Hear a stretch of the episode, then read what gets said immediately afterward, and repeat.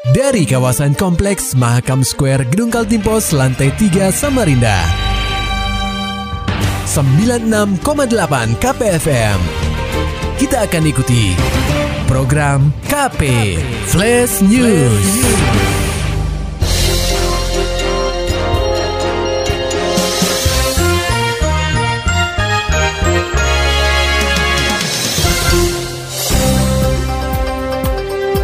Anda sedang menyimak program KP Flash News bersama saya Agung Pratama. Berita Utama Kalimantan Timur atau Kaltim, khususnya Samarinda menjadi pasar empuk peredaran dan penyalahgunaan narkotika. Hal tersebut diungkapkan oleh Kepala Badan Narkotika Nasional atau BNN Provinsi Kaltim, Brigjen Polisi Wisnu Andayana. Menurutnya, arus pergerakan masyarakat yang sangat aktif dan maju di benua etam membuat para pengedar memanfaatkan kondisi tersebut untuk menjajakan barang haramnya. Tak jarang mereka memasarkan kepada anak-anak yang masih menempuh pendidikan. Sebagai upaya pencegahan, mantan Kepala BNNP Gorontalo ini telah menjalin komunikasi bersama stakeholder terkait di benua etam. Tujuannya agar Kaltim tidak menjadi pasar empuk bagi para pengedar narkoba untuk menjajakan dagangannya. Di sini kan kita ketahui lalu lintas perekonomiannya sangat aktif ya dan maju, sangat maju. Jangankan Kalimantan, Gorontalo yang ya istilahnya lebih sepi dari Kalimantan aja jadi pasar. Kalimantan uh, Kaltim ini pasar yang sangat empuk, ekonomi ini luar biasa. Tapi tersangka yang melakukan kejahatan ini kalau alasannya faktor ekonomi itu alasan klise. Bukan faktor ekonomi, bukan, bukan sekedar itu. Orang yang punya duit itu nggak bisa jadi pengedar. Sementara itu, Kepala Kantor Pengawasan dan Pelayanan Bea dan Cukai tipe Madya Pabean B Samarinda, Rambang Firsyadi mengatakan pihaknya kerap melakukan patroli bersama dengan pihak kepolisian maupun BNN untuk menggagalkan distribusi narkotika, utamanya di jalur tikus.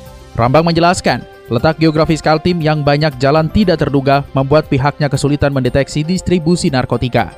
Jajarannya tentu tidak bisa menjaga rute tersebut secara terus-menerus setiap saat. Tak jarang pula, para pengedar narkotika memasuki dan mengamati pergerakan institusi pemerintahan menggunakan peralatan canggih.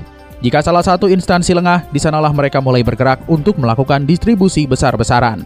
Itu dulu pernah di Balikpapan itu ya. Di Balikpapan itu Kanbi itu adakan funback kalau nggak salah hari hari Sabtu. Nah itu oh mungkin bea cukai lagi lengah hari Sabtu itu masuk. Ternyata malah ketangkep. Gitu. Setelah diselidiki itu banyak dirubah. Yang seharusnya uh, minggu depan pesawatnya dirubah dan juga jadi hari itu gitu. Gitu. Jadi memang semuanya itu saling melihat saling melihat. Dia melihat kita. Kalau kita lengah ya dia masuk kan gitu. Lebih lanjut Bea Cukai terus melakukan sinergitas dengan BNN, polisi, serta Balai Besar Pengawas Obat dan Makanan atau BBPOM guna mengawasi barang ilegal seperti narkotika yang berasal dari luar negeri agar tidak masuk ke wilayah Kaltim. Sementara itu, walau belum berlaku, Satlantas Polresta Samarinda berencana menambah dua titik baru untuk penerapan sistem ETLE statis. Laporan selengkapnya akan disampaikan oleh reporter KPFM Samarinda, Muhammad Nur Fajar.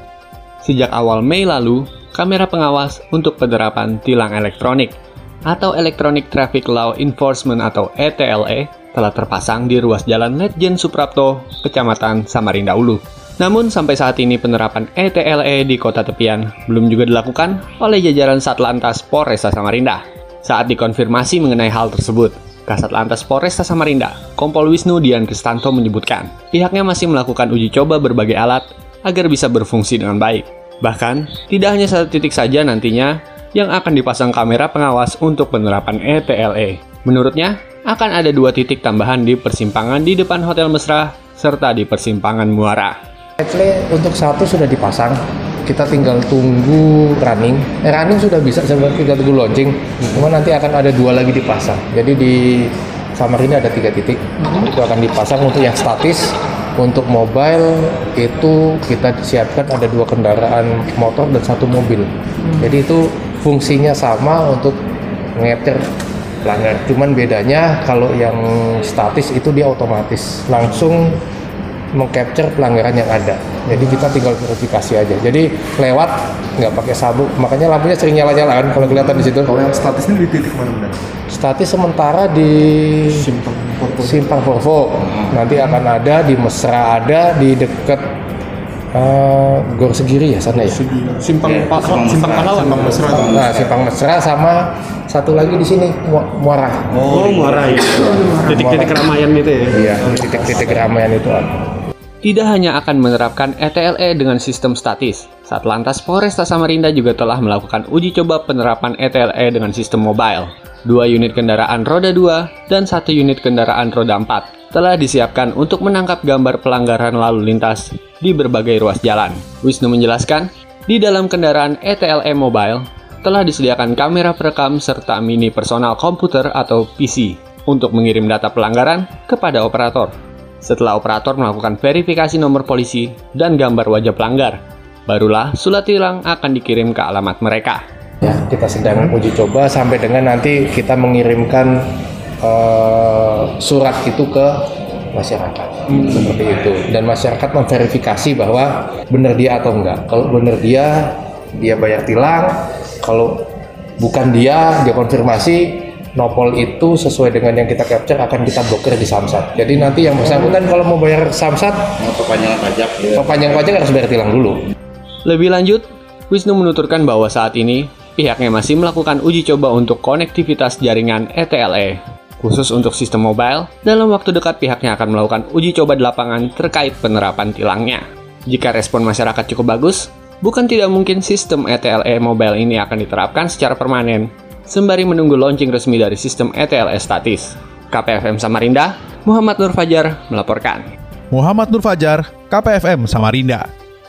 Serta dapatkan berita-berita selengkapnya di www.968kpfm.co.id. Demikian tadi telah kita simak rangkaian berita-berita yang terangkum dalam program KP Flash News. Persembahan dari 96,8 KPFM. Terima kasih dan sampai jumpa.